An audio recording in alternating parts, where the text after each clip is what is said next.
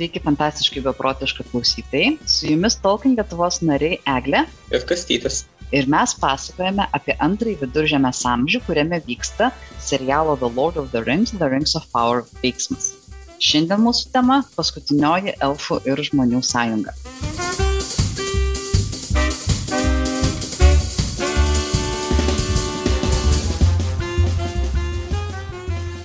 Taigi, mes jau atėjome visiškai iki antro amžiaus pabaigos. Ankstesnėse serijose kalbėjome apie tai, kaip a, žmonių karalystė Numenoras iškilo, pasiekė savo galybės viršūnę, o tada paveikti Saurono kėslų žlugo. Ir žlugo taip, kad e, įvyko visiškas pasaulio perversmas, galima sakyti, tiesioginė prasme, nes pasaulis iš plokščio tapo apvalus ir kartu patys Numenoro sala nuskendo. Iš Numenoro salos išsigelbėjo kai kurie uh, jos gyventojai. Dauguma tų išsigelbėjusių buvo ištikimieji. Tai yra tie, kurie neatsižadėjo sąjungos ir draugystės su elfais. Jų vadovas, valdovas buvo Elendilis, kuris vadovavo keturiems iš Numenoro bėgantiems laivams. Ir turėjo jis du sūnus, Izildurą ir Anarioną, kurie vadovavo dar penkiems laivams. Ir jie su savo žmonėmis bėgo į viduržėmę, bet audra juos perskiria, Elendilis um, pasiekė krantus ir išsilaipino šiaurinėje viduržėmės dalyje, Izilduras ir Anarijonas pietinėje, ir jie ten įkūrė dvi karalystės - šiaurėje Arnorą, pietuose Gondą. Jos vadinamos karalystėmis tremtyje.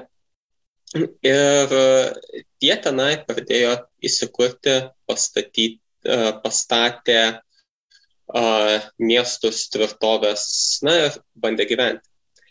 Tačiau Sauronas, kuris irgi uh, buvo Numenore ir prarado savo fizinį pavydalą, na, nuskendo kartu su Numenoru, jo dvasia nežuvo ir jis sugrįžo į Duržemę ir pradėjo taip pat rinkti savo armijas uh, tam, kad įveiktų tuos ištikimuosius jų karalystės tremtyje ir užkariautų visą jam prieinamą pasaulį. Tuo tarpu viduržemėje irgi gyvenimas vyko ir, ir anksčiau iki ištikimiesiems ten atplaukiant ir ten e, daug figuravo elfai. E, irgi kalbėjome apie elfų karalystės, elfų karalių Gilgaladą, taip pat jo, e, na, tuo metu galima sakyti dešinėje ranką Elrondą. Ir trečiojo amžiaus pabaigoje Gilgaladas vadovavo elfų karalystiai e, pačiose vakarinėse pakrantėse Lindone. Elrondas vadovavo e, Rivendelui ir faktiškai visiems elfams tarp mėlynųjų ir rukonotųjų kalnų didžiuliame Riedoro regione. Taip pat elfai e, tiek plisdami iš vakarų, tiek ir vietiniai nuo labai senų laikų gyvenantis uh, viduržėmė elfai, uh, jie turėjo dar dvi uh, reikšmingas karalystės ar kraštus, tai didžiąją žalėją girą, kurią vėliau žinome kaip Budžiagirę, ir Lotloriją šalia Ukanotųjų kalnų. Abi šios karalystės buvo į rytus nuo Ukanotųjų kalnų, arčiau Mordoro ir arčiau Saurono galios centrų, tačiau tuo metu, kol Sauronas buvo Numenere, um, tos karalystės irgi uh, galėjo, uh, galėjo klestėti. Taigi, antrojo amžiaus pabaigoje turime viduržėmėje um, dvi pagrindinės žmonių karalystės taip pat keletą elfų kraštų ir Sauroną, kuris telkia savo orkus, telkia trolius, gal ir balrogų buvo, taip pat telkia ir kai kuriuos žmonės iš rytų ir pietų, kurie seniai pavergti jo valios. Nazgulai figuravo tenai irgi žiedo šmėklos, tai žmonės, kurie pavergti devinių žiedų Na ir jie visi uh, telkėsi Mordorė ir ruošiasi karą. Ir karą pradeda. Uh, užpuola Gondoro karalystę, užgrobė Mėnulio bokštą Minasitilį, esanti kaip tik Mordoro, Mordoro ribojančiose kalnuose. Ir sudegina tenai, tenai augintą baltąjį medį, kurį ištikimieji iš Numenoro atsigabeno. Tačiau tam bokštui vadovaujantis Izilduras su uh, baltojo medžio ugliu pabėga ir um, palikęs Gondoro gynybą savo broliui Anarijonui, iškeliauja į šiaurę susitikti su tėvu Lendiliu, su Arnoro karalystė ir sudaryti sąjungą prieš uh, Sauroną. Elendilis, sužinojęs apie šitas naujienas, jis kreipiasi į elfus. Ir taip gimsta ta paskutinioji sąjunga. Elfų ir žmonių uh, pasižadėjimas, kad vieni, vieni kitiems padės ir kad kartu kovos prieš Sauroną, nes kitaip pavieniui jie turbūt uh, visiškai žlugs. Ir čia susitikę Elendelis ir Gilgaladas prisiekė priesaiką ir toje priesaikoje jie kreipiasi į patį sutvėrėją, į Erų, kad būtų priesaikos liudininkams. Ir šit, šitaip Erų vardu yra sudaroma ta sąjunga, na ir šit, kadangi uh, Erų vardu priesaikos yra duodamos labai, labai retai, pas numenariečius tik tai karalius e, iš vis galėjo šitaip, e, šitokį, e, šitokią priesaiką duoti. Na, tai tas rodo, kad iš tikrųjų toj sąjunga ir toj, tos priesaikos mums rodo, kokia svarbi ir kokia reikšminga yra ta sąjunga. Ši čia netgi, man rodas, gali būti toksai truputėlį momentas, kad, na, tie numenariečiai vis dėlto yra svetimšaliai. Uh, su elfais ryšiai Numenorė buvo nutraukti, elfai buvo tapę nepageidaujami Numenore, tad pasitikėjimo tarp šitų kažkaip likusių gyvų svetimšalių ir viduržėmės elfų galbūt net ir nebuvo pagrindo tam pasitikėjimui turėti ir dėl to turbūt ir buvo labai svarbi šita priesaika, duodama sutvėrėjo vardu, įrodanti tikrai abiejų pusių pasiryžimą susivienyti tai bendrai kovai prieš Sauroną. Na ir ruošiasi jie karui rimtai, beje, e, susitinka jie Amonsulo, prie Amonsulo kalno, e, mes taip jį dar vadiname orų viršukalne. Tikriausiai visi atsimena labai įspūdingą sceną iš Žiedų valdovo, kai keturi hobitai, Frodas ir jo draugai, bei Aragornas e, apsistoja orų viršukalnėje ir yra apsupami Nazgulų.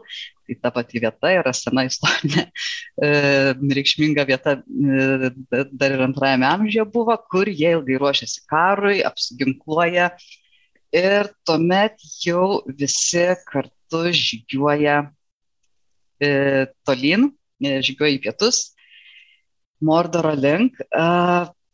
Prie jų prisideda taip pat ir Durino dvorfai, Na, e, tiksliau Durino tauta, jos, jos taip vadina. A, dvorfai, dvorfus, na, Durino tauta. Taigi jie visi susivienyje keliauja į Mordorą. A, yra pasakojama, kad e, būtent e, tarp e, į šiaurę nuo Mordoro buvę enčių sodai. Mes irgi truputėlį žinome iš žiedų valdovo, kad entai nebeturi savo žmonų, savo enčių. Jos yra tiesiog kažkur dingusios, jie nežanda jų, jie nežino, kur jų ieškoti, tačiau turi tą viltį, kad gal dar kažkada jas suras. Ir vienas dalykas, ką mes žinome, tai kad prieš paskutiniosios sąjungos karą e, elfės gyveno e, Entės. ir ryt, entės gyveno į rytus nuo Anduino upės ir ten turėjo savo sodus ir žinoma, kad Sauronas tos sodus sunaikino ir galbūt ten visos entės ir žuvo. Mes iš tikrųjų nežinom, koks buvo jų likimas. Gal yra jų iš ten išsigelbėjusio, gal ir ne. Bet siekdamas uh, užkirsti kelią armijoms, sunaikina tos sodus, kurie būtų buvusi saugi saugi vieta jiems visiems atkeliauti. Tačiau nepaisant jokių kliučių. Paskutinioji sąjunga pasiekia Mordorą, na ir čia prasideda a, tas rimtas ir ilgai trukęs karas. Ne tik tai Gilgalado elfai dalyvauja šitame kare, ar ne? Tikrai, tikrai taip. Um, nes Gilgaladas tuo metu buvo um, High King of the Noldor, aukščiausiasis Noldorų karalius. Tačiau Noldorai buvo tik tai viena iš um, elfų tautų, galima sakyti. Um, jie buvo be nesvarbiausi veikėjai pirmajame amžiuje, apie kurį parašoma uh, Silmariljone. Antrajame amžiuje taip pat būtent Noldorų tiek Lindono karalystė, tiek regiono uh, karalystė, tiek vėliau Rivendelas pagrindė Noldorą gyvendintas, uh, buvo svarbios, uh, svarbios šalis, daug toje istorijoje veikia, bet jie nebuvo vieninteliai elfai viduržė.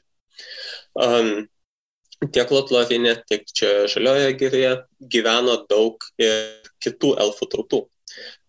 Tai buvo tiek pilkieji elfai, irgi veikia pirmajame amžiuje toli į vakarus Beleriendę, vėliau atkeliavę čia, tiek um, įvairūs uh, kiti elfai, tarkim, uh, Nandorai, uh, kurie faktiškai visą laiką gyveno tose, tose kraštuose, kurie vėliau tapo čia žaliaja gyvelo, Lorijomis ir panašiamis vietomis. Ir jie dėl įvairių istorinių priežasčių, galima sakyti, na, jie šiek tiek įtariai žiūrėjo į Noldorus ir tų Noldorų visokius ketinimus, kėslus ir taip toliau. Ir nors jie suprato, kad uh, kova prieš Sauroną yra tikrai svarbi ir sąjunga yra tikrai reikalinga, jie nesutiko eiti į kovą po Gilgalado vėliavomis. Dėl to jie buvo ne kaip Gilgalado pavaldiniai, bet kaip sąjungininkai. Pagrindiniai tie sąjungininkai buvo du - Lotlorijono karalius Amdiras bei uh, didžiosios žaliosios gėros elfų karalius Oroferas. Amdiras, Lotloriano valdovas, e, apie jį beveik nieko nėra žinoma išskyrus tai, kad jis dalyvavo um, paskutinės sąjungos kare. Um, šiek tiek kyla klausimas gal, o ką tada Galadrielė ir Keleboras, nes uh, kai paskutinį kartą apie juos kalbėjome, uh, tai antrojo amžiaus viduryje jie persikraustė į Lotlorianą ir kaip ir tapo tenai valdovais. Tačiau Tolkienas apie Galadrielę rašė daug skirtingų ir tarpusavėje nesutampančių istorijų.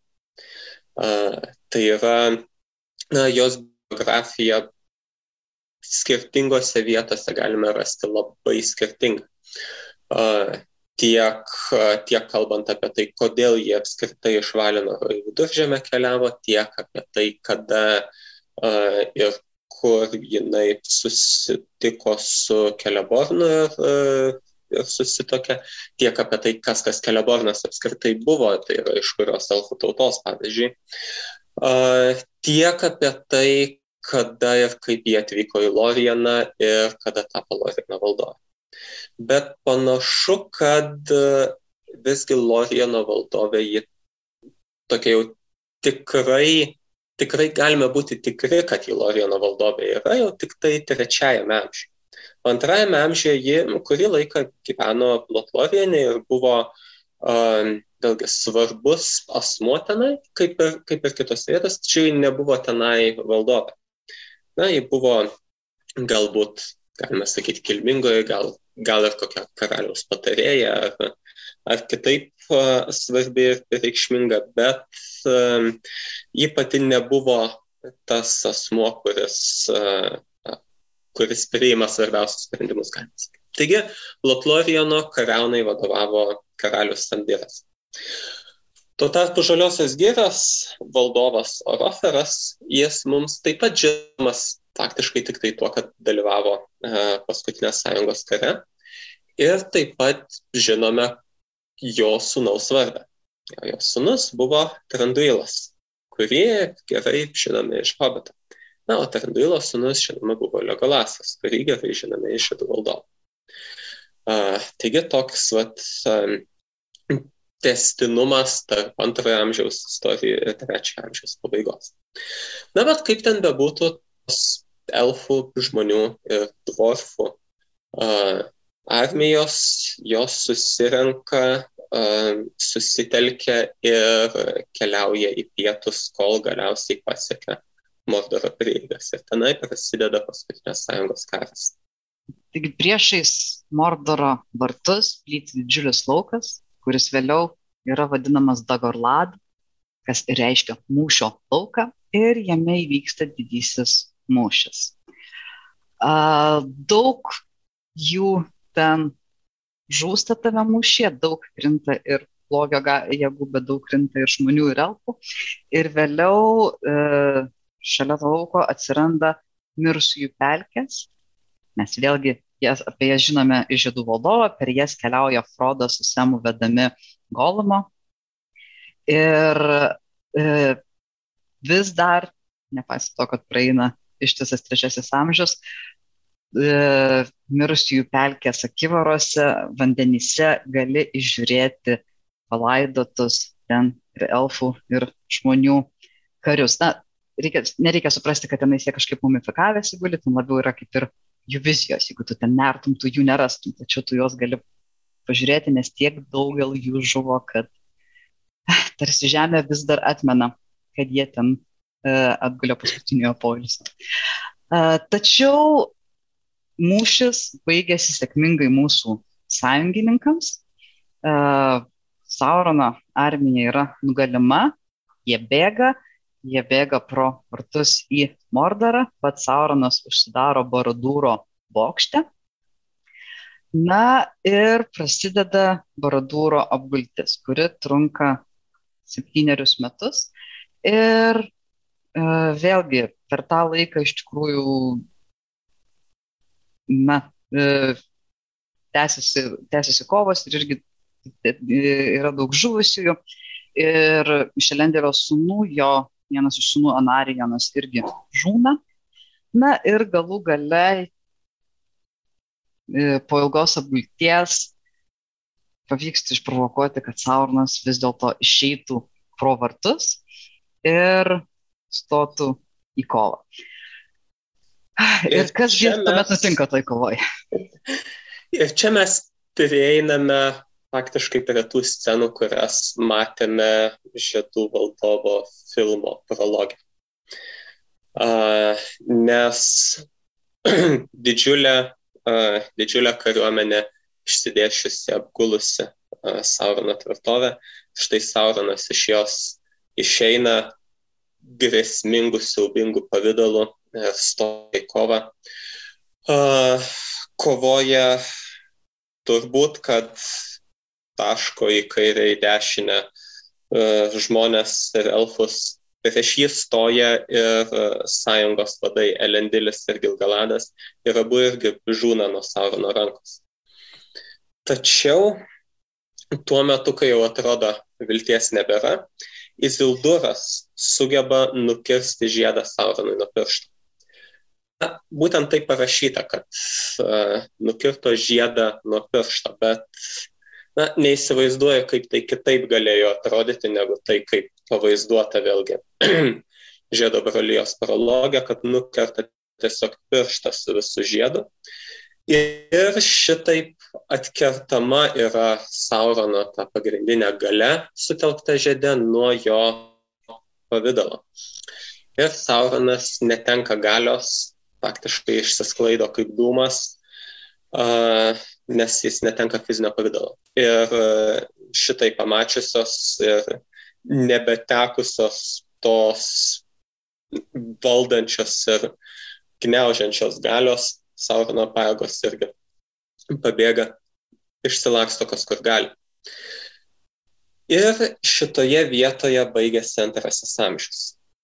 Na, nėra pasakyta, kad būtent šituo momentu, kai Sauronas išsisklaido kaip dūmas, antras amžius pasibaigia, tačiau um, būtent su šito Saurono įveikimu laikoma yra antrojo amžiaus pabaiga. Na, bet e, negalime taip nutraukti šitoje vietoje pasakojimo, taigi antrojo amžiaus istorija apims ir truputėlį trečiojo amžiaus, nes po to, na, Sauronas atrodo įveiktas, bet dar lieka vis tiek visokių nesakytų klausimų. Ir vienas iš tų klausimų yra, kas nutinka su žiedu. Taigi, Izilduras, nukirtęs tą žiedą nuo Saurono piršto, jį nusprendžia pasilikti savo. Elrondas ir Kirdanas išmintingai jį įkalbinėja žiedą dabar pat ir sunaikinti. Tačiau Izilduras sako, kad, na, aš netekau brolio, aš netekau tėvo, aš visko netekau šitame kare ir šitą aš, e, šitas yra laimėtas kovoje, čia yra mano karo žygio uh, trofėjus tiesiog toks ir aš jį noriu pasilikti, aš noriu pasilikti kaip šeimos relikvija. Nes, na, matyt, vis dėlto žiedo valia yra tokia stipri, kad vos tik jį paėmus yra kas Izilduro, jau iš karto kyla pagunda tą žiedą pasiklemšti savo ir, ir, ir jo neatsisakyti. E, tai beje nėra vienintelė relikvija, kurią jis parsineša iš mūšio lauką, nes Elendelis, e, nugalėtas Saurono, nužudęs Saurono, krisdamas, e, sulaužo savo kalaviją Narsilą ir kalavijo nuolaužas e, Izilduras irgi pasiima su savimi. Kurį laiką Izilduras gyvena Gondore, e, ten gyvena kartu su jo jo trys sūnus, e, bei Anariono sūnus, jo sūnėnas irgi gyvena ten. Ir Izilduras Valendelio mirties kaip ir turėtų paveldėti e, Arnoro sostą, tuo pačiu ir visos suvienitosios karalystės sostą. Tad gal, galų gale Anariono sūnui palieka valdyti Gondarą, o pats keliauja į šiaurę. Uh, jis tiek nori ir su uh, Elrondu Rivendelė pasitarti, taip pat tame pačiame Rivendelė, kuris yra tapęs tokiu kaip ir saugiu prieglopščiu ir ilgus amžius po to jisai liks tokiu saugiu, saugiu prieglopščiu elfų draugams. Uh, Rivendelė gyvena jo žmona su jaunėliu suneliu. Taigi jis nusprendžia keliauti trumpesniu keliu palei Ukanotosius kalnus, kas mane nustebino, jie keliavo peščiomis, nes yra pasakyta, kad tiesiog neturi tinkamų jojimų žirgų, kas turbūt visai normalu po tokio ilgo mūšio, galbūt iš tikrųjų, na, žirgai mūšiuose irgi žūsta, kaip bebūtų liūdna. Ir jie keliauja peščiomis, jis keliauja, keliauja kaip ir priklauso karaliui, lydimas savo trijų sunų ir kelių šimtų vyrų e, karių, karių apsaugos. Ir jie jaučiasi, kad iš tikrųjų, na, po tos, pergalė, po tos pergalės laikai yra saugus, tad nemano, kad grėsiems rimtas pavojus, tačiau jie klysta ir galbūt vis dėlto tai, kad Izraelis susimgabenasi žiedą ir, ir yra tas mintingas momentas, galbūt iš tikrųjų blogio tarnus tas žiedas ir pritraukia, nes juos užpuola orkai. Uh, jie ginasi, bet orkų yra bent dešimt kartų daugiau. Žilduro du sūnus žūsta ir trečiasis sūnus jo prašo, tėve, tu bent jau tu gelbėkis. Tu turi žiedą, tu gali su tuo žiedu pabėgti. Ir Zilduras, užsimovęs žiedą, pabėga iš to susirimimo vietos. Visi buvę e, jo bendražygiai žūsta, lieka gyvas tik tai vienas ginklanešys, e, kuris tiesiog lavonų krūvoje niekas jo neranda, kad jis vis dar yra gyvas, jis yra sužystas, visi lieka gyvas ir jisai pasakoja vėliau visiems, kas įvyko. Isilduras bėga, kol pribėga Daino upė, jisai šoka į upę ir plaukia. Tačiau srovė labai stipri, jį įneša į saklumas, į E, nendrės ir ten jis žiedą tiesiog pameta. Žiedas nuslysta ant jo piršto ir pradingsta labai, labai, labai ilgam. O jį be žiedo dėja orkai ir pervertas strėlės, jisai krenta į vandenį ir taip pat dinksta ir daugiau niekas taip ir než, než, nežin, nesužino ilga, il, ilgai yra nežinoma, kas tokio Izildurui nutinka. Ir tiek jis, tiek žiedas dinksta be žinios. Tačiau Arnoras lieka valdomas Narijono sūnaus, o tai yra Gondoras lieka valdomas Narijono sūnaus, o jaunėlis uh, Rivendelė gyvenęs Izildoro sūnus ima valdyti Arnorą ir šios dvi karalystės tampa, na, dvie, jos, Arnoras ir Gondoras tampa dviem nepriklausomam atskirom karalystėm ir klesti ilgus šimtmečius. O Sauronui kas nutinka? Tuo tarpu taip um, Sauronas ir vėl nepražūsta. Mat, uh, nors netekęs ryšio su žiedu, jis praranda, bent jau tikrai ilgam laikui praranda galimybę apskritai įgyti kokią nors fizinį pavydalą. Tačiau jo valia ir jo dvasia išlieka, nes jis tiesiog į žiedą buvo sudėjęs tiek savo galios ir savo esybės, kad kol žiedas egzistavo, tol ir Sauronas irgi egzistavo.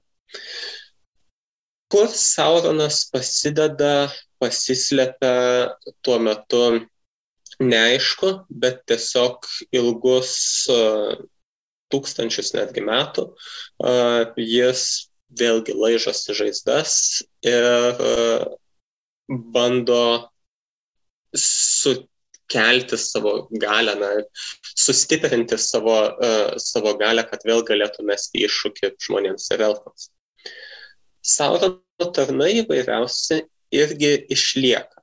Nazgulai niekur nepradingsta, bet irgi slepiasi ilgą laiką, tiesiog neturėdami uh, valdovo, kuriam, um, kuriam galėtų tarnauti. Orkai pasklinda įvairiose vietose, daugiausiai kalnų urvuose uh, įvairiose. Uh, troliai, balrogai, drakonai, jų visų yra vis dar, bet tiesiog kurį laiką jie nekelia rimto pavojaus nei Arnoro ir Kondoro karalystėms, nei elfų kraštams išlikusiems, nes tiek Lorinas, tiek Lorianas, tiek Žalioji Gire, tiek Rivendelas, um, tiek netgi Lindonas, nors ir uh, gerokai mažiau apgyvendintas, praktiškai sumažėjęs tik tai iki pilkųjų uostų, jie išlieka kaip um, kraštai, kuriuose uh, na, kuriuose gyvena elfai. Kitų žmonių irgi yra. Kai kurie, kai kurie žmonės, kurie galbūt buvo Saurono pavergti, gal ir pereina į uh, kitą pusę, tampa uh, Gondoro ir Arnoro draugais ir sąjungininkais, kai kurie lieka tokie uh, piktadariai ar tiesiog uh, kažkur toli gyvenantis ir uh, vėlgi nelabai keliantis galvą. Uh, bet visokių, visokių tų nuotikių daugiau vyksta, tačiau tai jau yra trečiojo amžiaus istorija. Kol kas Sauronas įveiktas ir kurį laiką bent jau žmonės ir elfai ir dvorfai gali atsikvėpti. Taip, o kas nutinka toliau, pasakojama ir žydų valdovai, ir žydų valdovo prieduose. Uh, Dar yra istorija apie trečiojo amžiaus laikus Unfinished Tales, nebaigtosiuose sakmėse. Bet tai jau viskas, kas, vyksta trečiajame amžiuje. Galbūt turėsim progą apie visą tai pakalbėti po poros metų, nes lauksime Rohirimų karo animacinio filmo, kurį planuoja išleisti 24 metų balandį. Tai progos kalbėti apie viduržėmę tikrai dar sulauksim. O kol kas ačiū, kad klausėtės. Dėkojame, kad klausėte antrojo amžiaus istorijų. Iki pasimatymo Lituanikone, kuris įvyks jau po kelių dienų, rugsėjo 10 dieną, šeštadienį Vilniuje.